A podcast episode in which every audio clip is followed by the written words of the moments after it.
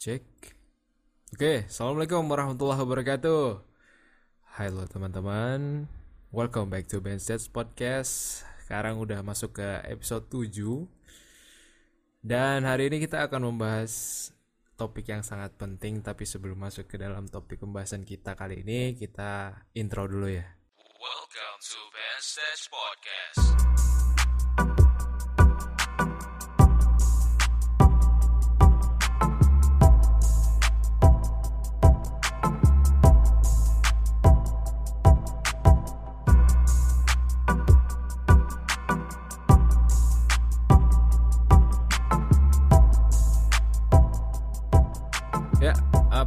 Kabar kawan-kawanku semua pendengar Stats Podcast di mana pun kalian berada? Halo, halo.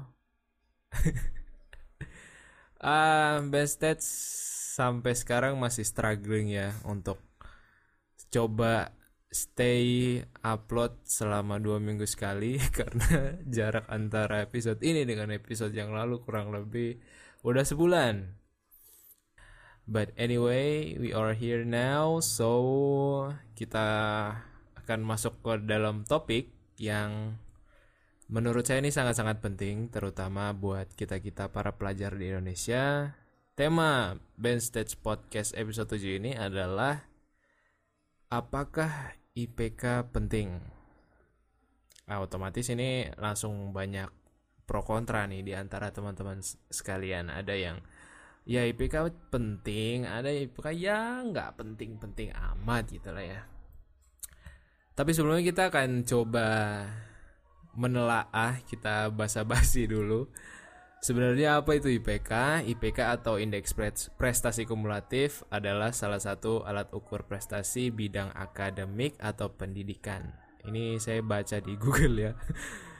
Jadi IPK itu adalah rata bobot merumuskan tujuan pelajaran dan lain sebagainya yang untuk merumuskan tujuan dari pe- pembelajaran. Serius ini nggak jelas sekali. Intinya IPK itu menunjukkan nilai akademik kalian, itu intinya. Dan kenapa IPK harus dibuat? Em, nggak tahu ya saya sendiri juga nggak tahu saya melihat dan membaca tujuannya juga saya nggak ngerti ini ya saya coba baca ini eh jadi IPK itu katanya untuk merumuskan tujuan pembelajaran dan bobot atau IPK ini ditentukan berdasarkan pentingnya mata kuliah tersebut dalam membentuk kompetensi lulusan. Nggak ngerti. ya mungkin jurusan pendidikan tahu ya. Saya kebetulan bukan jurusan pendidikan jadi nggak tahu. So dari pengalaman pengalaman diri saya pribadi dari saya kuliah hingga lulus sampai sekarang ini menurut pandangan saya pribadi teman-teman bisa berbeda pendapat dengan saya kalau ditanya apakah IPK itu penting dari pengamatan saya IPK itu bisa menjadi dua sudut pandang pertama IPK bisa jadi penting dan juga bisa tidak terlalu penting, tapi dengan catatan.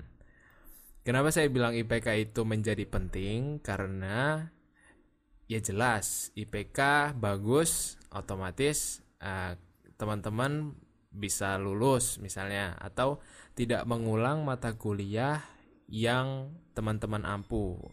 Kalau misalnya kita ngulang mata kuliah kan otomatis kita juga merasa rugi, rugi waktu dan juga rugi biaya karena remedial itu butuh biaya. Dan kalau misalnya kita ngambil eh kita dapat IPK yang bagus, untuk semester berikutnya kita bisa mengambil SKS yang maksimal. Nah, otomatis waktu lulus kita itu bisa dipangkas lebih cepat. Di setiap perkuliahan itu tentu nggak ada namanya mata kuliah yang mudah, nggak ada dosen yang enak. Jadi kalau emang mata kuliah itu susah ya kalau saya pribadi ya udah biarin aja gitu. Karena emang emang susah mau gimana lagi? Meskipun kita mau berusaha semaksimal mungkin. Misalnya kita udah berusaha semak- semaksimal mungkin eh ternyata hasil hasil yang kita dapat nilainya C misalnya. Atau eh, ada satu ketika waktu saya kuliah dulu tuh saya sebel sama satu dosen satu mata kuliah. Jadi eh, dosen ini tuh pola ngajarnya bukan ini ya bukan ke mahasiswa kayaknya. Dia tuh kayak ngajar kepada batu yang ada di depannya. Jadi saya tuh punya riwayat nilai C di dosen ini karena ya menurut menurut saya ngapain diulang gitu dosennya aja kayak gitu ngapain? Ya udah nilai nilai C aja. Sampai sekarang saya tuh punya nilai C di transkrip. Tapi kalau bisa kalau bisa teman-teman jangan kayak saya. Soalnya saya udah nilai C saya nggak remedial karena udah udah ilfil sama dosennya. Ya kalau bisa kalian ya ngulang aja lah kalau misalnya ada uang gitu loh. Eh kemudian di saat perguruan tinggi kalau dilihat IPK dalam dalam jangka panjang gitu ya IPK itu dalam lingkup perguruan tinggi itu mencerminkan diri kita meng- mampu mengikuti perkuliahan dengan baik atau enggak. Jadi kalau misalnya IPK kita bagus, bagus itu dalam hal hal ini bagus tuh bukan IPK yang 3,5, 3,6 atau 4. IPK yang bagus adalah IPK yang eh, sesuai dengan standar kalian masing-masing. Aduh, standar kalian masing-masing apa ya? Eh, kalau menurut saya pribadi ya, IPK yang bagus itu tiga. Pandangan saya IPK yang bagus itu adalah tiga. Tiga itu standar, batas paling bawah itu 2,7 dan di atasnya itu udah udah bagus menurutku ya. Karena konsep kayak anak-anak di kampus sekarang bahwa kenapa IPK itu mereka anggap tidak terlalu penting karena mereka menganggap bahwa IPK IPK bagus itu IPK yang berada di atas 3, misalnya 3,2, 3,5 dan lain sebagainya. Sedangkan menurutku IPK 3 2,7 itu juga bagus gitu karena kalian juga pasti lulus dan eh, kalian bisa melamar kerja dengan IPK seperti itu. Dan kebanyakan juga teman-teman teman-teman saya meskipun dia tidak maksudnya tidak apa ya, tidak terlihat mengejar IPK. Jadi antara akademik dan juga eh, kegiatan ekstrakurikulernya atau kegiatan kemahasiswanya itu seimbang, itu tetap mereka memiliki IPK yang bagus. Jadi teman-teman jangan jangan menjudge bahwa ketika kita mengejar skill kita atau kita mengejar eh, kemampuan kemampuan apa namanya ya?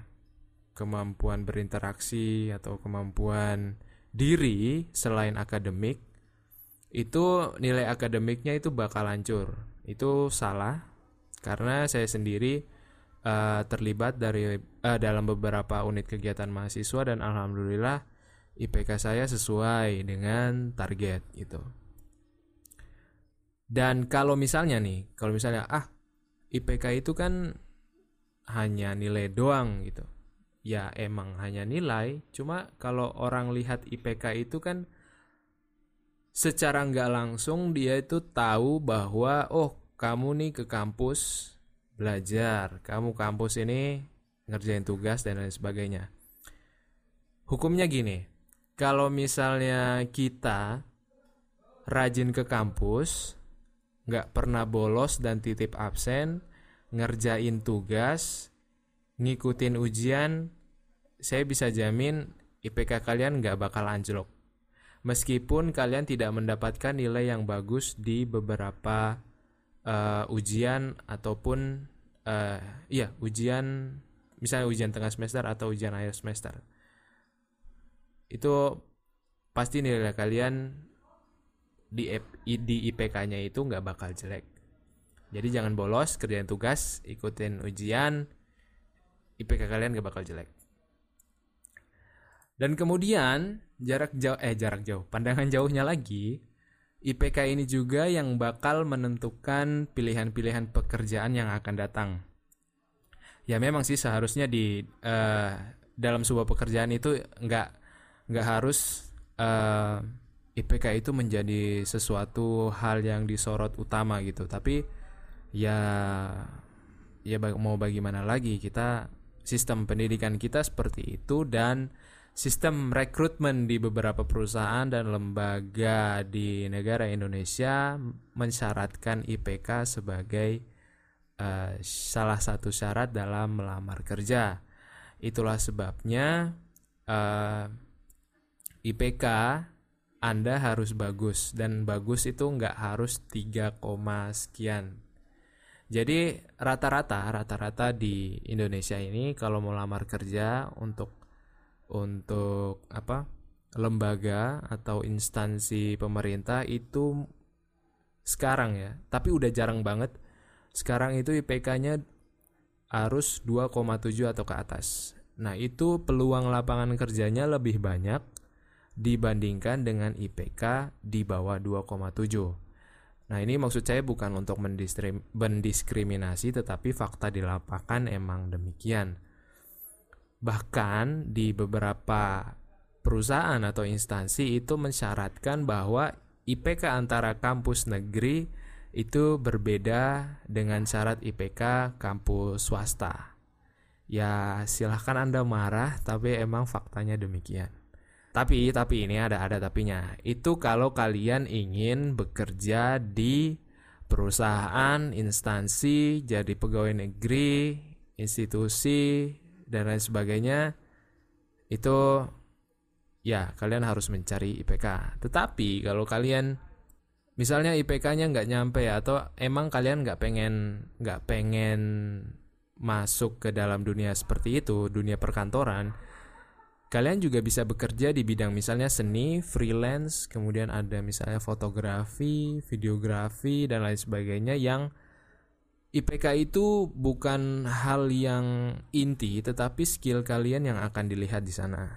Jadi masih tetap ada pilihan kawan-kawan dan juga itu pilihan pertama. Eh pilihan pertama itu pandangan pertama. Pandangan keduanya adalah kalau dilihat dengan kacamata yang lebih luas lagi sebenarnya IPK itu tidak terlalu penting-penting amat sebenarnya.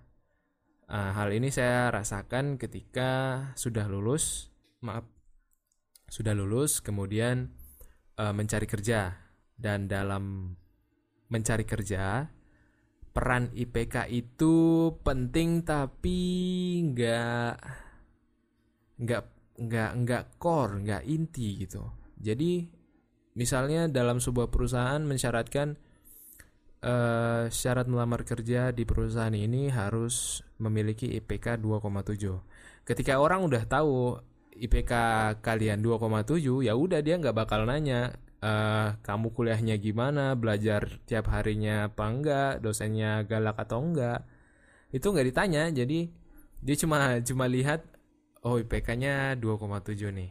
Ya sama kalau misalnya kalian eh, melamar polisi misalnya. Tingginya harus misalnya 165 cm kalau di bawah ya ya ditolak. Kalau kalau masuk ya ya udah gitu sesuai gitu.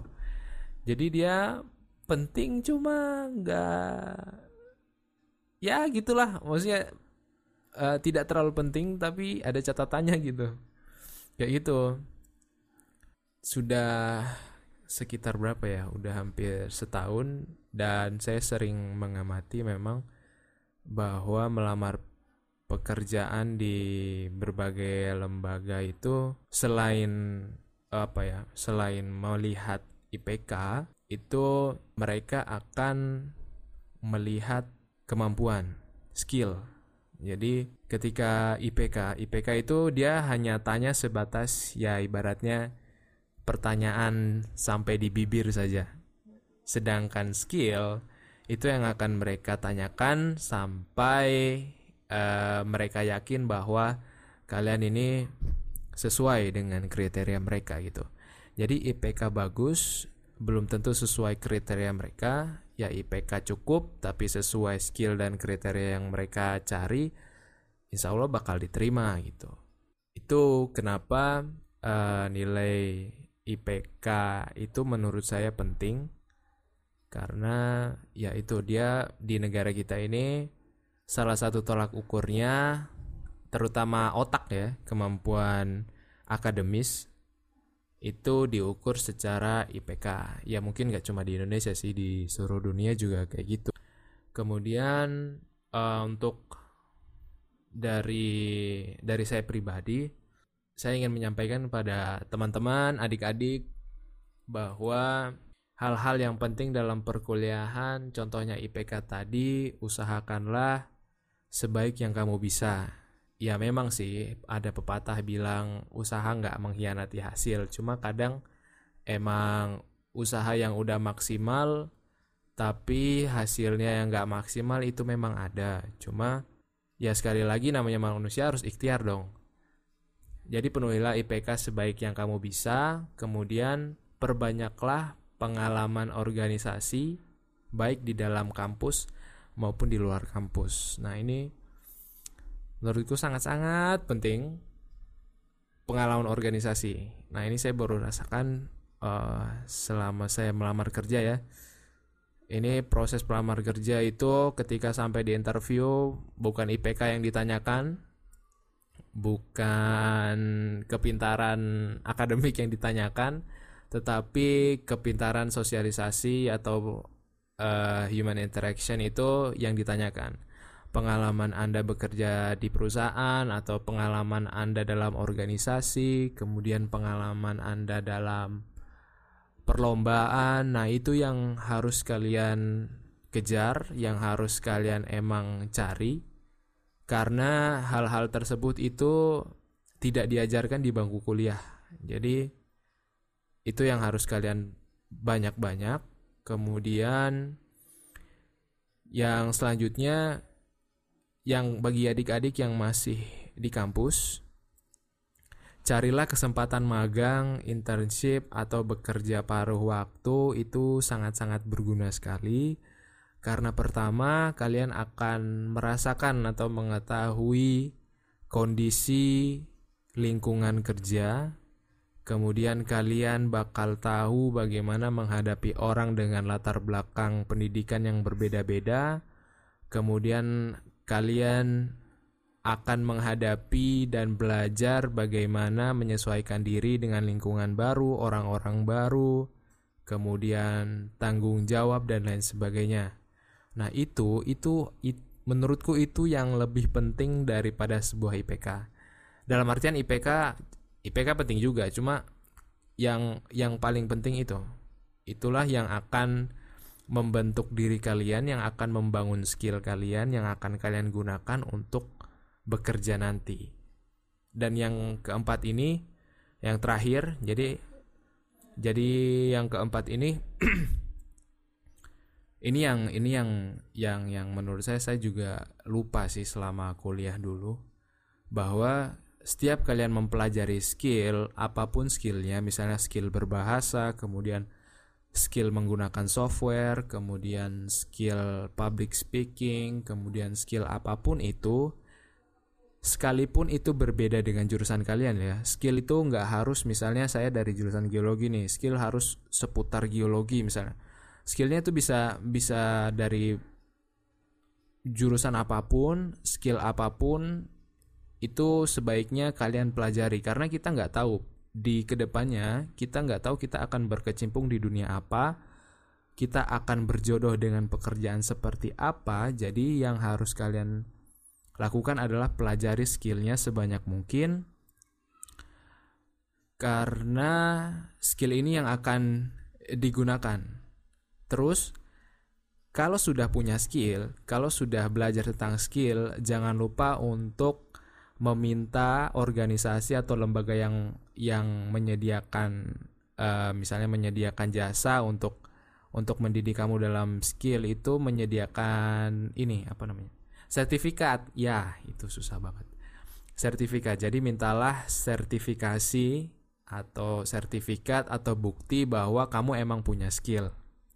Karena ketika melamar kerja kita nggak mungkin mendemokan skill kita kita nggak mungkin uh, misalnya kita punya skill public speaking kita nggak mungkin uh, ujuk-ujuk langsung misalnya uh, presentasi atau pidato atau misalnya kita punya eh, sertifikat eh, apa ya sertifikat software kita langsung demokan software ini kita bisa apa segala macam itu enggak jadi sertifikasi itu amat penting karena itu merupakan bukti nah itu yang yang saya ini sih maksudnya merasa sangat penting ketika sudah melamar kerja. Jadi adik-adik yang belum yang belum apa namanya yang belum ini terlambat gitu ya siapkan itu skill kalian pelajarilah skill dan juga meminta bukti-bukti sertifikasi pada lembaga-lembaga yang menyediakan eh, pelatihan-pelatihan seperti itu oke eh, saya ulang ringkasan podcast kita hari ini yang pertama penuhilah IPK sebaik yang kamu bisa yang kedua, perbanyaklah pengalaman organisasi, baik di dalam kampus atau di luar kampus. Kemudian yang ketiga, cari kesempatan magang, internship, atau bekerja paruh waktu. Dan yang terakhir, pelajarilah skill sebanyak mungkin sekaligus sekaligus sekalipun itu berbeda dengan jurusan kuliah kalian dan dibuktikan dengan sertifikat. Oke, sebelum kita tutup podcast hari ini. Saya ingin membacakan beberapa pertanyaan yang masuk, cie, ya masuk di Instagram. Jadi sebelum record ini saya melempar sebuah kotak pertanyaan untuk podcast hari ini. Mari kita lihat pertanyaan-pertanyaannya. Pertanyaan pertama, uh, bentar nih apa nih? dari yang paling atas aja nih. Dari Mas Mehmet underscore Yasin. Siapa yang lebih tampan Yasin atau Ibnu? Astagfirullah Ya jelas dong mas. Ngapain ditanya Yang lebih tampan ya Mas Yasin gitu. Mas Yasin tampan Mas Yasin ganteng. Dia putih dia putih apa? Tapi serius Mas Yasin ganteng. Kemudian ada yang agak melenceng pertanyaannya nih. Dari Nando point underscore pertanyaannya bang gimana cara jual beat um, jual beat saya jual beat itu saya ber apa berkecimpung di dunia beat itu sekitar satu tahun. Satu tahun kalau kalau dihitung dari sekarang berarti sudah satu tahun tiga bulan. Dan beat saya pertama kali dibeli itu sekitar 8 bulan setelahnya. Jadi selama 8 bulan itu saya ngebeat terus. Jadi buat beat kemudian pelajari teknik-teknik baru hingga sampai suatu saat orang merasa beat saya itu bagus dan pantas untuk dibeli. Jadi caranya itu tetap posting aja, kemudian usahakan uh, progres tiap hari, pelajari teknik baru tiap hari. Nanti suatu saat uh, pasti akan ada yang beli gitu. Oke, Nando Point. Selanjutnya ada pertanyaan, wah ini agak panjang nih. Dari Fadli Nur. Pertanyaannya, bos sekarang bermusik sekedar sampingan atau kerjaan utama? Kalau sampingan tipsnya dong bos biar bisa jalan kerjaan dan hobi. Apalagi bisa hebat kayak Om Ben Ganteng. Kalau kerjaan utama kasih tahu dong cara bertahan di kerjaan yang di luar kerja kantoran alias budak korporat. Sorry lewat DM kepanjangan soalnya bos. Hehe many thanks. Uh, pertama dari pertanyaan ini uh, kata Om Ben ganteng itu sangat tidak perlu ya Nur ya. Tolong ya.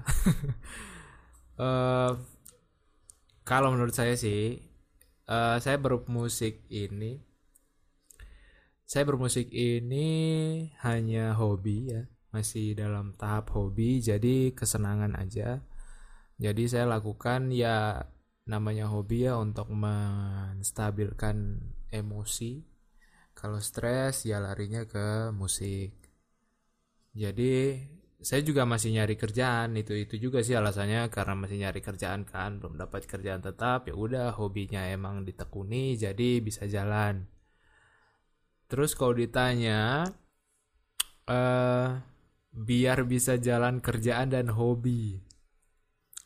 Ya jujur saya belum pernah bekerja dalam skala kantoran ya. Cuma saya bisa bisa mem- me- memberi bayangan. Dulu tuh saya pernah ngikuti sebuah pelatihan. Pelatihan itu dimulai dari jam 7 pagi hingga jam 5 sore itu kurang lebih dua minggu nah saya anggap kita anggap aja itu sebagai jam kerja ya dan alhamdulillah dalam dua minggu itu saya bisa menelurkan satu buah podcast. Nah, tapi emang emang kalau udah kerja dan uh, menjalankan hobi, apalagi hobi yang mem- membutuhkan waktu khusus gitu ya, itu cukup sulit. Tapi kalau misalnya hobi-hobi teman-teman atau hobinya Fadli Nur ini mungkin menulis, membaca buku, buat podcast, bermusik, uh, atau apa lagi ya? ya semacam itu yang sekiranya eh, bisa dilakukan secara langsung gitu ya tanpa butuh waktu khusus itu bisa tapi emang butuh effort lebih kalau emang kita lagi kerja kemudian kita ingin menjalankan hobi itu emang kalau dibilang nggak ada waktu itu memang tidak ada saya udah rasain kemarin tuh pas pelatihan kalau bikin bikin musik aja itu nggak bisa karena pulang-pulang tuh kita udah capek. Dan waktu itu emang harus dibuat. Jadi kita emang harus luangkan waktu dan emang harus niat sih. Seperti itu. Kalau misalnya hobinya eh, fotografi kemudian mancing kemudian eh, motor itu kayaknya cukup cukup sulit sih. Soalnya kan memang membutuhkan waktu khusus ya yang mungkin harus dilaksanakan di weekend nggak bisa di weekdays. Jadi kalau misalnya kayak kayak saya gini kayak misalnya buat podcast atau buat musik itu kalau emang niat bisa bisa tiap hari. Maksudnya waktunya itu selalu ada tiap hari jika diluangkan. Cuma kalau yang hobi seperti yang saya bilang tadi itu emang harus diluangkan weekendnya. Ya itu kembali lagi uh, niat sama meluangkan waktu biar bisa jalan kor eh kerjaan dan hobi. Pertanyaan kedua berarti udah terjawab terjawab ya dari tadi ya karena ditanya ini kerjaan utama ini bukan kerjaan utama ini hobi. Uh, Oke okay, itu aja pertanyaannya. Moga-moga uh, anda bisa ini ya bisa menjalankan hobi anda ya Nur ya. Anda hobinya apa? Kalau hobinya uh, musik yo bisa seperti tadi oke okay? uh, eh, kita lanjut pertanyaan berikutnya ada Chan Okta 21 waduh ini pertanyaannya Bro, apa benar kalau limbat jadi baik akan berarti berganti nama jadi lim good? Pertanyaan apa nih Chan Chan? Ini limbat bukan limbet. Kalau limbet mungkin jadi limgut. Kalau limbat ya nggak bisa. Jadi saya limbet jadi limgut. Limbet. Oke langsung pertanyaan berikutnya ya. Uh, dari HW ah ini nih ini pertanyaan yang agak waras dikit nih. Lebih memilih IPK tinggi skill bagus tapi nggak dapat kerjaan atau dapat kerjaan dengan IPK dan skill biasa aja. Oke, lebih memilih IPK tinggi, skill bagus tapi nggak dapat kerjaan atau dapat kerjaan dengan IPK IPK dan skill biasa aja. Kalau saya memilih memilih dapat kerjaan dengan IPK dan skill biasa aja. Ya mungkin karena ini ya masih melamar kerja ya. Cuma cuma nggak nggak masalah sih kalau pakai IPK yang tinggi. Aduh pakai pilih yang mana nih? Lebih milih IPK tinggi skill bagus tapi nggak dapat kerjaan. Kalau misalnya kondisi ini stagnan ya maksudnya udah ini kamu ini akan menjalani seumur hidup saya memilih IPK dan skill biasa aja tapi dapat kerjaan. Tetapi kan dunia ny- dunia nyata itu kan dinamis ya. Tapi ini kan pertanyaannya. Oh ya udah, itu aja deh. IPK dan skill biasa aja tapi dapat pekerjaan. Oke, fix. Thank you Hermansyah HW. Kemudian ada lagi dari gegi.zd. Ini menanyakan IPK tinggi atau banyak pengalaman. Emot love love for omben my king. IPK tinggi atau banyak pengalaman? Jelas saya memilih banyak pengalaman karena IPK tidak eh, mencerminkan pengalaman Anda dan kalau kita terjun dalam dunia pekerjaan bukan IPK yang kita bawa, yang kita bawa adalah pengalaman. Gitu. Terima kasih sudah bertanya Gigi Gigi.zd. Kemudian pertanyaan terakhir nih dari AJCH Maturbongs. Nanya siaran di mana? YouTube, IG atau yang lain? Saya siaran di kos ya, Ian. saya siaran di kos, kemudian nanti di upload di YouTube. Jadi selama ini uh, Ben Stats Podcast mengudaranya di YouTube ya. Jadi nanti kalau mau uh, mendengar Ben Stats Podcast silahkan uh, akses di YouTube Om Ben Beats nanti akan ada uh, Ben Stats Podcast di sana. Nanti kalau misalnya emang nggak nggak suka nonton di YouTube bakal ada link untuk di-download podcastnya. Oke, saya ucapkan banyak-banyak terima kasih kepada teman-teman yang udah bertanya karena saya kira nggak bakal ada pertanyaan ya soalnya tiga jam pertama semalam tuh saya posting nggak ada yang nanya. Coba bangun tidur, uh, alhamdulillah banyak yang nanya. Jadi segmen pertanyaan ini rame juga nih. Ya sebelum kita menutup Ben Stats Podcast episode kali ini, saya mendapatkan uh, sebuah nasihat yang menurut saya sangat bagus dari Pak Anies Baswedan. Beliau memberikan nasihatnya kepada para mahasiswanya seperti ini. Hidup pasca kuliah itu seperti belajar berenang. Kamu mau belajar berenang di kolam atau belajar berenang di laut? Kalau belajar berenangnya di kolam, itu airnya terukur, luasnya terukur, suhunya terukur, kedalamannya terukur, dan juga arusnya terukur. Sedangkan kalau belajar berenang di lautan, itu luasnya tidak terukur, kedalaman tidak terukur, arusnya tidak terukur, suhunya tidak terukur. Nah, kira-kira belajar berenang lebih mudah di kolam atau belajar berenang lebih mudah di laut? Ya, tentu saja belajar berenang lebih mudah di kolam. Yang saya tangkap dari nasihat beliau bahwa jangan sampai kita terlambat untuk belajar atau jangan sampai kita telat menyadari sesuatu itu sangat penting di dunia kuliah dan saat kita hidup di pasca kuliah kita nyesel bahwa kita nggak pernah melakukan itu padahal kita bisa. Jadi teman-teman yang masih kuliah manfaatkanlah diri kalian kembangkanlah potensi kalian. Jangan kasih batas jangan kasih uh, apa ya sekat. Jadi luaskanlah diri kalian. Insya Allah nanti kalian bakal jadi orang-orang yang hebat. Oke, seperti biasa, ending dari Ben Stage Podcast ini bakal ada lagunya. Nanti teman-teman bisa dengar beatnya. Oke, sekian dari Ben Stage Podcast kali ini. Mohon maaf apabila ada salah-salah kata.